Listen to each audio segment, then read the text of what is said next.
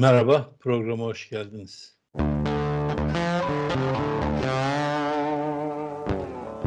Bugün yine bu son devlet mafya ilişkileri, son yaşanan olaylar, son birkaç aydır iyice e, artık ortaya dökülen, rezilliği iyice çıkan devlet mafya ilişkilerini konuşacağız. Falyalı'nın Türk ve Kıbrıs Türkiye bayrağına sarılı naaşını konuşacağız. Çok ilginç bir şekilde bir mafya liderini bayraklarla e, yolcu etti bu insanlar. E, Kıbrıs Cumhurbaşkanı'nın, Başbakanı'nın, İçişleri Bakanı'nın bir, bir süre önce hapsettiği adamı bayraklarla İçişleri Bakanı yolcu etti. Peki buraya nasıl gelindi? E, bütün bu olaylar nasıl e, bu noktaya geldi ve bundan sonrası devam edecek mi? Evet, bugünkü konuğum Serdar Öztürk. Merhaba, hoş geldin Serdar. Hoş bulduk. İyi yayınlar. Önce e, senin geçen günkü yazını e, okudum. Bizim e, haberimiz olmadığı, belki benim yurt dışında olduğumdandır. E, bir de çok fazla konuşulmadığı için e, bir e, yaralama, kurşunlama olayı daha var. E, şimdi e, başından itibaren bakarsak işte Falyalı olayını Sedat Peker e, ortaya attı. E, Sedat Peker'den sonra e, olay e, tartışılmaya başlandı. İşte Falyalı gözaltına alındı. E, bundan önce e, Ahmet Kurtuluş e, AKP İzmir İl Başkan Yardımcısı öldürülmüştü. Ahmet Kurtuluş'un öldürülmesinden ilgili e, Arjantin'de Serkan Kurtuluş'la hapishanedeyken görüştük. E, ondan bir takım açıklamalar geldi. Ve bütün bunlar olurken son 3 aydır nedense Serkan Kurtuluş artık konuşmuyor. E, Sedat Peker konuşturulmuyor. Bununla beraber e, bir takım olaylar, sessizlik ve e, silahlar konuşulmaya başlandı. Taneray e, öldürüldüğü söyleniyor. E, onun da bir takım bağlantıları var. Sedat Peker'in anlattığı kişilerde bir takım olaylar gelişiyor. Bütün bunlar olurken hepimizin unuttuğu ya da e, farkına varmadığı bir olay daha oluyor esasında. Bu arada Kıbrıs'ta bir genç daha gene e, bu, kumar meselesinde e, işçi olan bir genç daha beş kurşundan ayağından ayağın denk al şeklinde yaralanıyor. O da e, Türkiye Büyükelçiliğine kadar şikayeti var. Ona da sus deniliyor. Bu dönemde konuşma deniliyor. Ayrıca İstanbul'da bir e, avukat öldürülüyor. Çakıcı'nın avukatıyım diyor. Çakıcı bu sırada Haluk Kırcı ile beraber Kıbrıs'ta herhalde Kıbrıs'a gönderilmek için serbest bırakıldı diye düşünüyorum ben Çakıcı'yı. Ve tekrar söylüyorum e, Ahmet Kurtuluş'un şoförünün arabası kurşunlanıyor. Şimdi hangisinden başlarsın bilemiyorum. Top sende. Mafyayı sana teslim ettim.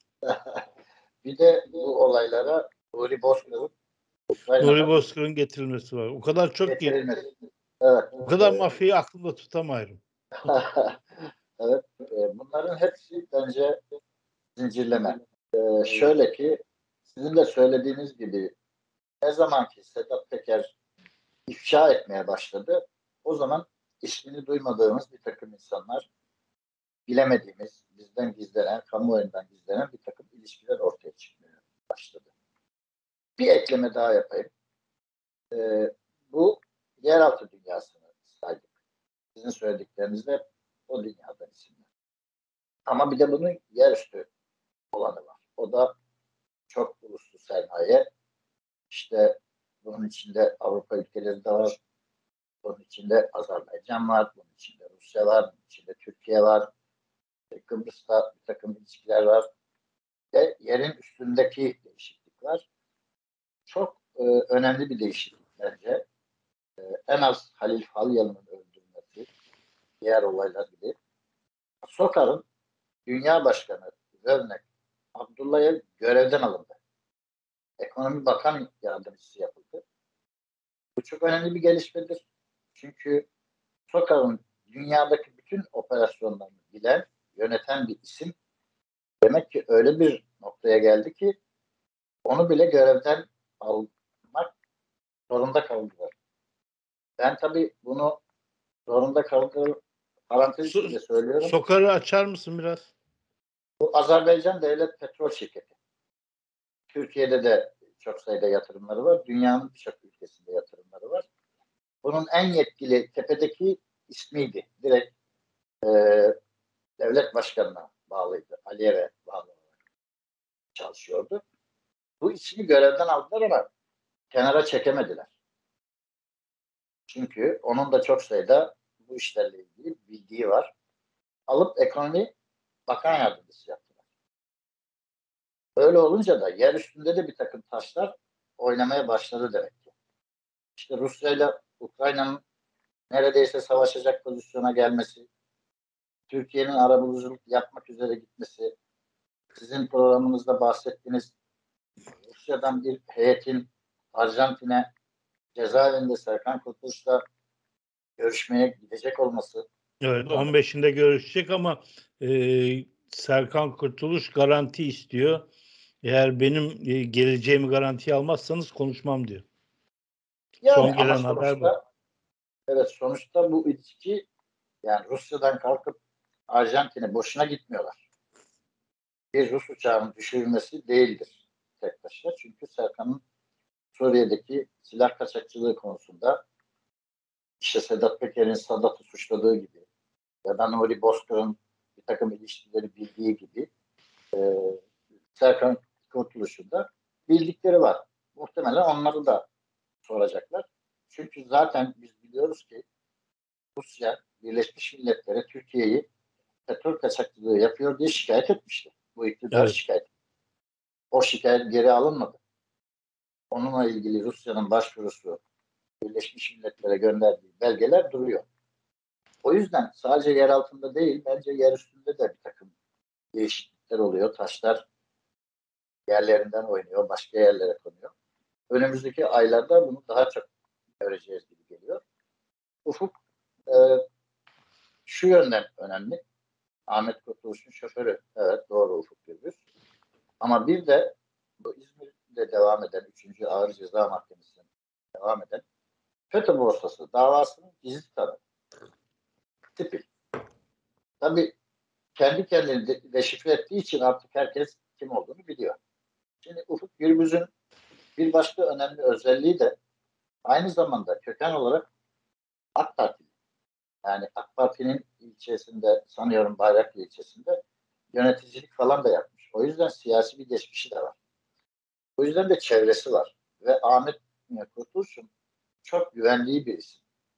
Ailesini bizzat ona emanet ediyor.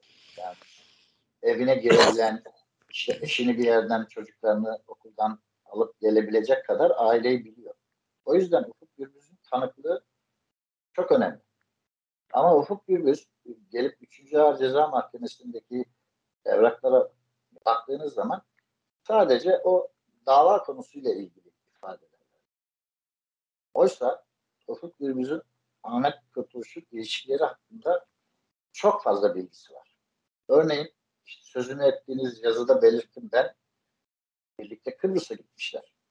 Sedat Peker, Ahmet Kurtuluş ve bu işi organize eden de Ufuk Gürbüz. Yani organizeden kastım şu. Uçak biletlerini oraya İzmir plakalı bir VIP minibüs gitmiş. Onun organizasyonu. Bunların hepsini Ufuk Gürbüz yaptığı için bu işleri biliyor. Yani Ufuk Gürbüz'ün bildikleri bizim bildiklerimizden ya da sandıklarımızdan daha fazla. Ve o yüzden Aralık ayının sonunda 26 Aralık'ta Çiğli'de bir restorandan çıkıyor evine giderken e, kendisiyle görüştüm ben olaydan sonra e, bir motosikletle plakası olmayan bir motosikletle iki kasklı siyah kasklı iki kişi yanlarından geçiyor. Tabii gürültü olduğu için pek bir şey fark etmiyor. Yanındaki arkadaşı diyor ki ya abi diyor arka cam kırılmış. Onun üzerine durduruyorlar arabayı bir bakıyorlar ki arka cam kırık. Arkada da cesedi şey, cek- ceketi asılıymış. Ee, ona bakıyor. Aa camda mermi deliği var. Tamamen polisleri arıyorlar falan. Polisler geliyor, inceleme yapıyorlar. Ee, dün itibariyle hala bir sonuç elde edilmiş değildi. Gerekçe olarak da şunu, şunu söylüyorlar. İşte olayın meydana geldiği yerde bir mobese kamerası bulunmuyor. Onun için bir görüntü elde edemedik. Ayrıca aydınlatma da, sokak aydınlatması da çok yeterli olmadığı için e, şey, şey elde edemedik. Peki dedim yani ne yaptılar sana bununla ilgili? Hiçbir şey yapmadılar demişti bana. Yani bir şey yapmıyorlar. Bir haber vermediler. Gelişme olursa biz seni bilgilendiririz dediler ama bilgilenmedi, bilgilendirmediler. Şimdi Ufuk Gürbüz'ün önemi buradan kaynaklanıyor. Çünkü Ufuk Gürbüz sadece Ahmet Kurtuluş'u değil, Ahmet Kurtuluş'un pek çok bağlantısını da biliyor. Örneğin evet. şeyi doğrulattırdım ben. Ee, Kıbrıs'a gittiklerinde tabi o zaman hiçbir şey Faryalı'yı tanımıyor. Ama tarif ediyor yani fotoğraflardan gördüğü televizyondaki görüntülerinden evet diyor şişman bir adam. Biz orada biz ziyaretteyken son derece lüks bir Mercedes'te geldi. Benim yayınladığım o fotoğraftaki Mercedes'in içine bindi. Orada Sedat Peker, Ahmet Kurtuluş görüştüler. Bizi tabii yaklaştırmadılar oraya diyor. E, bu şu demektir.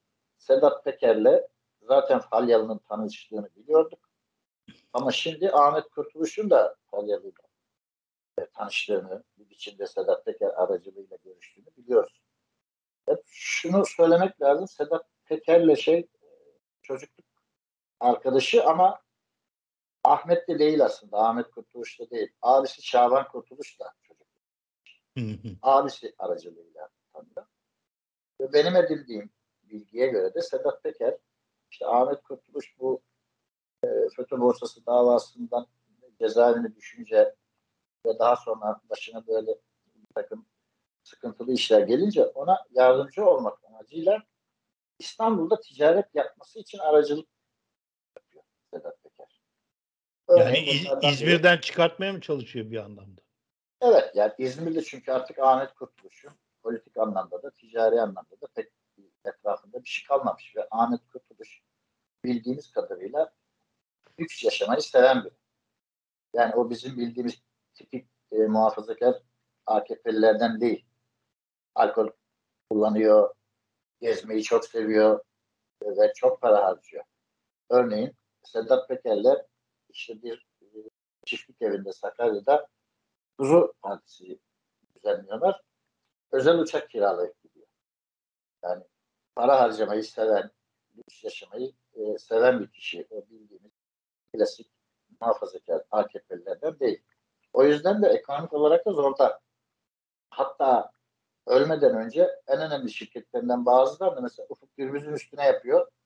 Öldükten yani öldürüldükten sonra da şirketler Ufuk Gürbüz'ün üstünde kaldığı için şey vergi borçları falan hep Ufuk Gürbüz'ün üstünde. Ufuk Gürbüz'ün üstüne kalıyor. Evet. O yüzden Ufuk Gürbüz bence mahkemeye de anlatmadığı, bizim de bilmediğimiz çok şey biliyor. Bildiği için zaten ona bir e, gözdağı verildi diye düşünüyorum. Çünkü amaçları öldürmek olsaydı daha tenha bir yerde bunu gerçekleştirebilirlerdi. Bir de bu konuyla ilgili bir soru işareti var. Ufuk Gürbüz gizli tanık olduğu için korunuyor. Yani devletin verdiği resmi bir koruma var. Bu korunmuş hali. Ne tesadüf o gün koruma izinli. Yani bu bir dakika ya. Kaldırıyı. Koruma izinliyse yerine başkası gelmiyor mu? Yok aslında e, koruma Gelmesi lazım. 7-24 olması istemesi gerekiyormuş. Ama hem kendi aralarında hallediyorlarmış. O da şöyle söylüyor ya onun da çocuğu, çocuğu var. Bir gün dinlensin diye ben bunu arada bir abi sen bugün bak keyfine ben nasıl evden çıkmayacağım deyip hani bir nevi idare ediyor. Ama önemli olan şu. O gün onun e, izinli olduğunu kim biliyor? Evet. Yani o gün korumanın izinli olduğunu, Çiğli'de bir restorana gideceğini ben hepsini biliyor olması lazım birilerinin. Bu çok böyle ben sana kızdım deyip ya da yolda bir trafik magandası suçu değil bu. Bu bizzat Ufuk Gürbüz'e verilmiş bir mesaj. Nedir bu mesaj sence diye sordum. Bilemiyorum. Ben İzmir 3. Ağır Ceza Mahkemesi'ndeki ifadeleriyle ilgili olduğunu çok düşünmüyorum. Onu da sanırım bu yıl sonuna kadar karara bağlarlar. Orada ortada bir tane cinayet var ki zaten soruşturma o cinayetten çıkıyor. Sonra FETÖ borsasına dönüyor. Orada başı yanacak olanlar belli. O yüzden Ufuk Gürbüz'ün demek ki bu ilişki ağlarıyla ilgili e, bizim bilmediğimiz, kendisinin belki anlatmadığı bugüne kadar başka bilgileri nedeniyle ben e, bir gözdağı verildiğini düşünüyorum. O davada başı yanılacaklar kimler sence? Yani bir defa şey katil belli. Yani katilden kasıt işte bir olay var, cinayet var. Onu araştırıyorlar. Manisalı bir taşımacı şirketi sahibinin oğlu. Bornova'da onun öldürülmesi olayı var. O olayla ilgili katil belli zaten. Cezaevinde muhtemelen o adam öldürmekten ceza alacak. E, onun yanında kim var? İşte sizin defalarca yayınladığınız bu eski istihbaratçı Kudret Dikmen var. Artık o belgelerde göründüğü kadarıyla en zor durumda olan o. Onu çünkü şu anda e, çıkış yasağı da var onun bildiğim kadarıyla. Aynı zamanda mallarına da el koymuş durumda. Yani görünen o ki davada en zor durumda yani cinayet olayının dışında kudret gitme. O da ne? İşte Ahmet Kurtuluş'un verdiği bir takım insanların yerlerini belli. Kudret MİT'ten miydi, polis istihbarat mıydı? Polis, polisten. Polis MİT Bölge Başkanı'nın adı geçiyor. İfadesi de alınmış daha önce. Hatta o dosya ayrılmış, Aydın'a gönderilmiş. Şimdi bu dosya çok karmaşık gibi görünüyor. Gerçekten çok karmaşık. Aydın'da ayrı bir dava var. Bu dosyadan ayrılmış. Nedir o? İşte Ahmet Kurtuluş'un e, sahibi olduğu e, Aydın Büyükşehir Belediyesi'ne ait bir spor kompleksi var.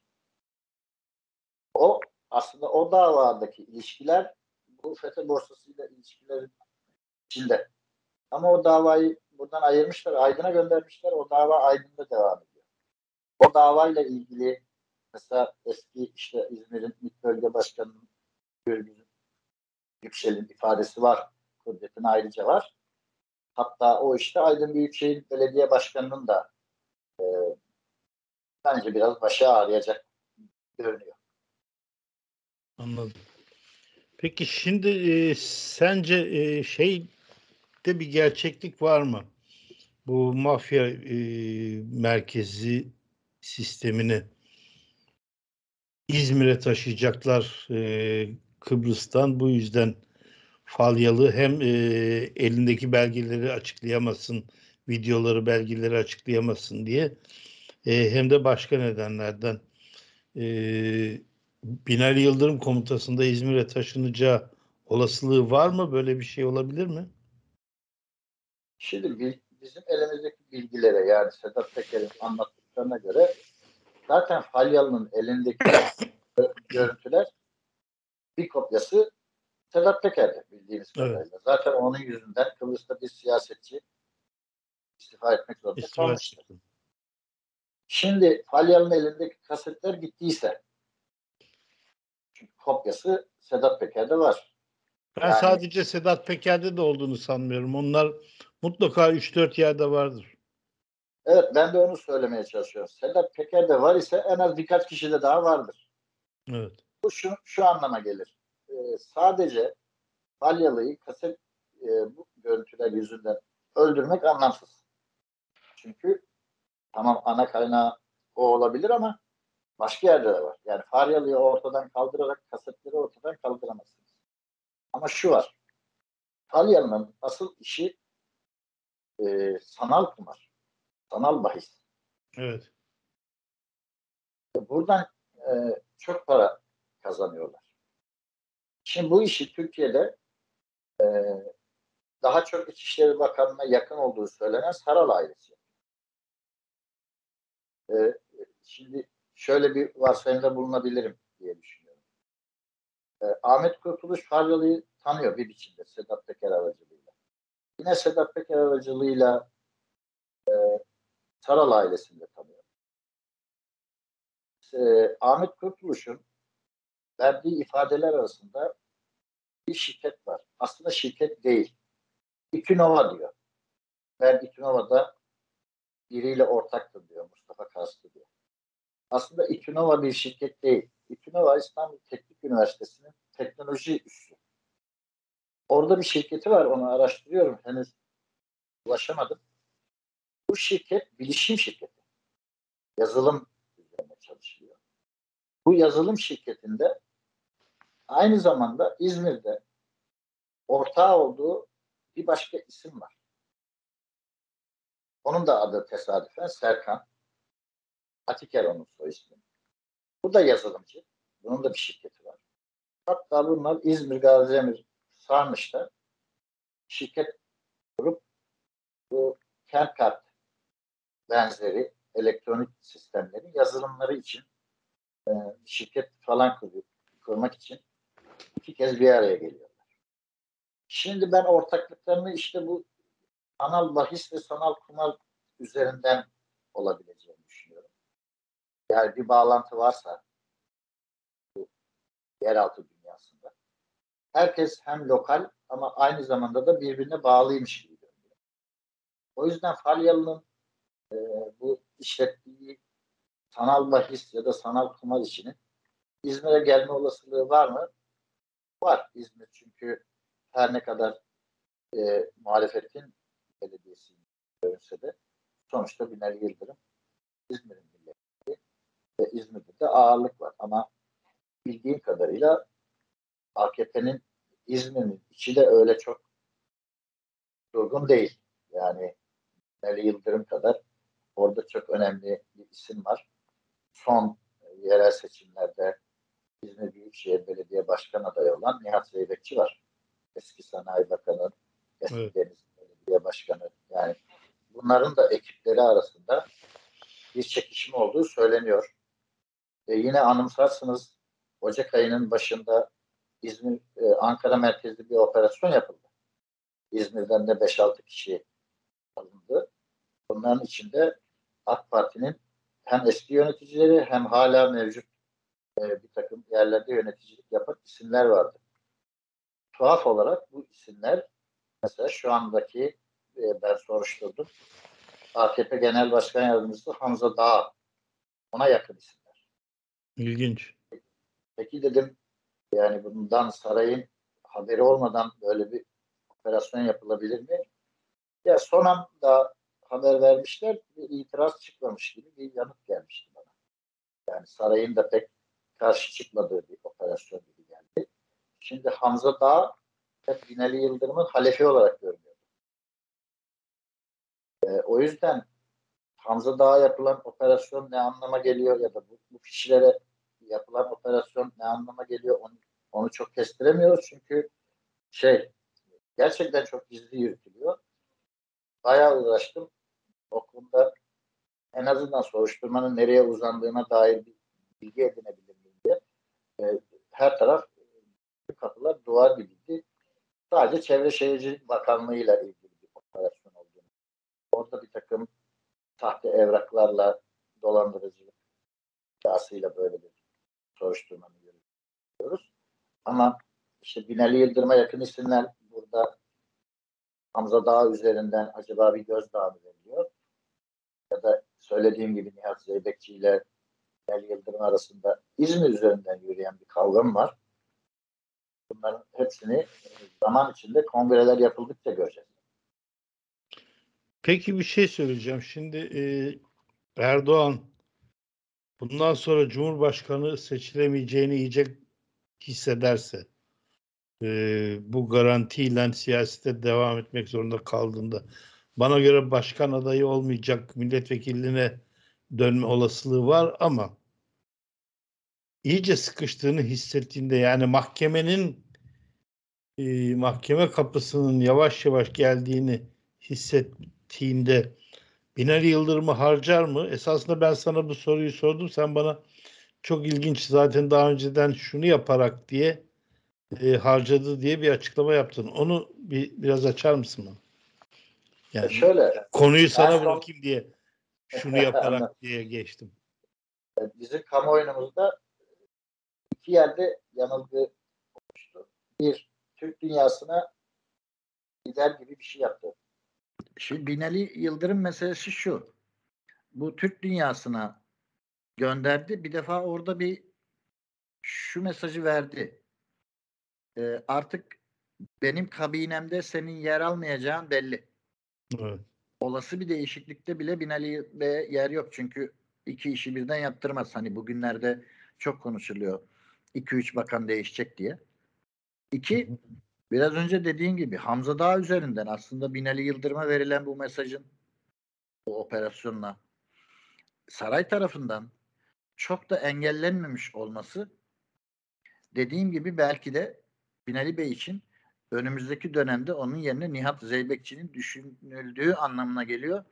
Çünkü Nihat Zeybekçi de İzmir'de çok ciddi çalışıyor bu anlamda. Onun da kadrosu var burada. Onun da bir ayrı bir ekibi var. Dediğim gibi e, AKP'nin ilçe kongrelerinde bu bence daha net ortaya çıkar gibi geliyor. Anladım. Ee, peki e, ben hep şöyle düşünüyorum. Harcamak için en iyi isim e, hep Binali Yıldırım oldu. Yani e, biz Binali Yıldırım'ı e, bu yüzden hep Safköylü diye şey yaptık. İşte Ahmet Davutoğlu'nun yerine e, bana biat edecek Binali Yıldırım dedi getirdi. İzmir Belediye Başkanlığı dedi kaybedilecek yer Binali Yıldırım dedi. İstanbul kaybedeceğini hissetti Binali Yıldırım dedi. Kendisi Cumhurbaşkanlığı aday olmazsa bunun için en makul kişi Binali Yıldırım değil mi? Bence doğrudur. Bu kadar e, ismin içinden en makulü odur. Hem de Erdoğan kaybetmemiş olacak. E tabi bir de Binali Bey bu işlere alışkın. Ama ben yine de Türkiye'deki siyasetin e, özellikle yaz aylarıyla itibaren ısınacağını düşünenlerdenim. Bunun nereden çıkarıyorum? Son Cumhurbaşkanlığı seçimlerinde, e, e, milletvekili seçimlerinde biliyorsunuz o Haziran'la Kasım arasında Türkiye'nin yaşadığı çok karanlık Evet, evet. dönem vardı. Evet. O dönemde bunu bunu yapabilenlerin e, yeni dönemde ya da 2023'e kadar neler yapabileceklerini çok kestiremiyorum. Düşünmek istemiyorum ben. Yani ben de oradan endişeliyim, oradan korkuyorum. Çünkü daha güçlüler hem hukuki anlamda yani Cumhurbaşkanı kararıyla birçok şeyi yapabilecek durumdalar. O hal ilan etmek, sürdürmek de dahil. E, o yüzden hem hukuk alanında nasıl atraksiyonlar yapacaklarını kestiremiyorum. Hem de işte bu şimdi e, şeyden Ukrayna'nın bize hediye ettiği o Bozkır eski özel kuvvetler e, yüzbaşısı Bozkır gibi ne isimler çıkacak ortaya neler olacak önümüzdeki aylarda Suriye'de neler yaşayacağız Rusya'yla hangi noktada karşı karşıya geleceğiz hangi noktada Sence Putin gelecek mi? Ben gelse bile eli dosyası kalabalık geleceğini düşünüyorum. Bunu da e, fitilini ateşleyen sizin programınız oldu. E, çünkü Putin e, en erken olimpiyatlar sonrasına Evet. görüşürüz demiş. E, o arada Serkan'dan bile bilgi almış olacaklar. Serkan'dan bilgi almadan gelmeyecek. Serkan'dan e, almak istediği bilgi bence şu olabilir. Suriye silahları tamam da ama esas uçağı düşürmek için ana başlık kim? Yani o ilk emri kimden aldı? Bunu başka bir ağızdan delil Ser- olarak istiyor sanıyorum. Serkan o konuları bilemez. Serkan uçak düşürüldükten sonra pilotlar paraşütle yere atlarken o konuda o biliyorsun o komutanın da cezası bitti. Biliyorum. tahliye edildi. Ee, en son benim bildiğim kadarıyla Ankara'da bir takım temaslarda bulundu. O fotoğrafları paylaştı. Ee, sonra da şu anda kayıp. Kimse nerede olduğunu bilmiyor. Bilmiyorum. Belki- kayıp. Belki, belki o da Kıbrıs'a gitmiştir. Olabilir. Ya bir Serkan'ın ne zaman dahil olduğunu biliyorum ama e, şimdi bu derin devletin e, lümpen tayfası o kadar çoğaldı ki bunlar çoğalınca böyle pırt e, deyim yerindeyse özür dilerim izleyicilerden yerlenir gibi konuştuklarından bunların kulağına bir sürü şey geliyor. O açıdan e, Elbette mutlaka mutlaka Serkan e, yani bize de anlatmadığı birçok şey vardır muhtemelen. var. O yüzden Olduğunu da söylüyor zaten. E, o yüzden e, bir de Serkan çok bildiğim kadarıyla garantici biri. E, Serkan'ın da yolu aslında Gürcistan'dan sonra Ukrayna'ya. Evet Ukrayna- Ukrayna'ya gidiyor. Ben onu sordum ama dediğim gibi hiç e, konuşmadığı için bir yanıt alamadım. Evet. Bu Nuri Osman Nuri Bozkır'la hiç görüşmeniz oldu mu diye. E, Serkan'ın e, Ukrayna'da olduğunu nereden biliyoruz? Çünkü Nüket Otar 9 Eylül Üniversitesi rektörü şikayetçi olmuştu beni tehdit ediyor diye. Evet. WhatsApp üzerinden gönderdiği iki tane mesajı da mahkemeye delil olarak sunmuştu. O mesajların Ukrayna üzerinden gönderildiği tespit edilmişti. O yüzden Serkan'ın Ukrayna'da olduğunu biliyoruz. Ve Serkan bizimle de sizinle de yaptığı konuşmalarda elindeki bilgileri ve belgeleri çok sağlam bir yerde tuttuğunu e, ancak salı verilmesi durumunda bazı şeyleri Evet. açıklayacağını söylemişti ama sessizliği hatta açlık grevine başlamış diye duydum. Tekrar başladı evet. Ee, işte bu, bu nereye kadar sürecek bu sessizlik? E, Sedat Peker'in de sessizliği devam ediyor bir taraftan. Ee, o yüzden dediğim gibi ben yani o Cumhurbaşkanlığı seçimi süresine kadar ne olacağı konusunda çok biraz endişeliyim. Onu açık söyleyeyim yani. Şimdi Serkan'ın e, Nuri Bozkır'ı ya da ikisinin birden birbirlerini çok sevmediğini anlayabiliyoruz esasında konuşmalardan. Ama Serkan'ın elindeki e, bize de söylemediği bilgilerin bir kısmı tamamı olmayabilir ama e, Türkiye'nin teslim aldığı ya da Türkiye'ye teslim olan Ilgın Şentürk tarafından emniyete verildi diyebilirim. Ama neler olduğunu bilmiyoruz. Ya ben ben de Ilgın Hanım'la defalarca konuştum. Ee, muhtemeldir. Onun zaten çıkış yasağı yoktu. Yani aranmıyor. Kendisine de söylemiştim. Neden yurt dışına çıkma ihtiyacını hissettin? Sen Türkiye'de aranmıyorsun, etmiyorsun. Otur memleketinde hani bildiğin varsa da anlatırsın zaten diye konuşmuştum ama onu yolu tercih etmişti. Serkan'ın mesela anlatması gereken çok önemli bir kişi daha var. Galip Öztürk. Galip Öztürk. Biliyorsunuz Türkiye'de mahkum oldu. Cezası onandı. Şu anda herkes biliyor ki Batum'da yaşıyor. Evet. Mesela Serkan'ı iadesi için harekete geçen Interpol, Türk Interpol'ü Galip Öztürk için harekete geçti mi bilmiyoruz. Ama bugüne kadar gözaltına alınmadığına göre geçmemişler demek ki ve ciddi ticaret yapıyor Gürcistan'da. Buradan gidenlerin çoğu da direkt onu buluyorlar. E, onun da hangi siyasi partiyle ilişkisi olduğu, yakın olduğunu biliyoruz. Bu yüzden diyorum bu tip bu tip adamlar dışarıda, bu tip insanlar e, işte yerin altında değil, yerin üstünde. Bunların bu seçim döneminde nasıl atraksiyonlar yapacakları, nasıl rol oynayacakları bunu bilemiyorum. Bilemediğim için de kestiremiyorum ama endişe duyuyorum. Galip Öztürk dediğim bu şey metronun. Evet eski sahibi. E, o ama gayet doğal. Şimdi Galip Öztürk'ün e, ilk bu konudaki avukatı kim ve şimdi ne yapıyor biliyor musun? Bilgilendirirseniz sevinirim diye. Televizyonlarda demokrasi mücadelesi veren Erkan Şen. Ersan Hoca. Ersan, Ersan Şen. Erkan. Ersan Şen. E, ama e, şu anda e, benim bildiğim kadarıyla Gürcistan'da, Batum'da çok ciddi ticari yatırımları var. Hatta çok lüks bir oteli var. Hatta Serkan'ın o lüks otelin asansör arızası için e, Manisa'da bir asansör firmasını tehdit ettiğine dair e, kayıtlar e, şeyin e, bu 3. Ağır Ceza Mahkemesi'nin dosyasının içinde var. Ama tabii bu ilişkiler o dosyada duruyor da bir FETÖ borsası ya da ona benzer bir mafyamatik örgütlenme diye bakılmıyor. Sıradan bir cinayet olayının e, sonuçlanması diye bakıldığı için dosyaya Evet. e, do, o dosyadan e, çok fazla bir yere varılmaz ama e, olaylar yaşandıkça e, o dosyanın içindeki bazı anlatılanların ne anlama geldiğini daha iyi anlıyoruz. Evet Serdar çok teşekkür ederim e, programa katıldığın için. E, Bundan sonrasını bekleyeceğiz. E, Bakalım kendi iç ve dış temizlikleri nereye kadar gidecek? E,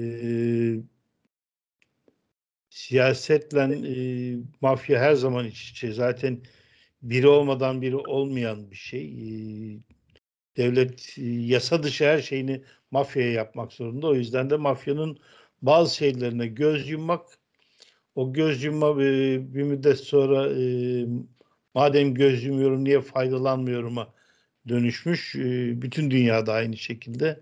E, bizde de e, tersi noktasına gelmiş durumda. Yani esas me- medya iktidardaki benim sana bir takım direktifler vereceğim. Sen hükümet gibi onları yapacaksın noktasında e, ihalelerden tut da e, diğer bütün işlere kadar her şey öyle gidiyor gibi gözüküyor bana.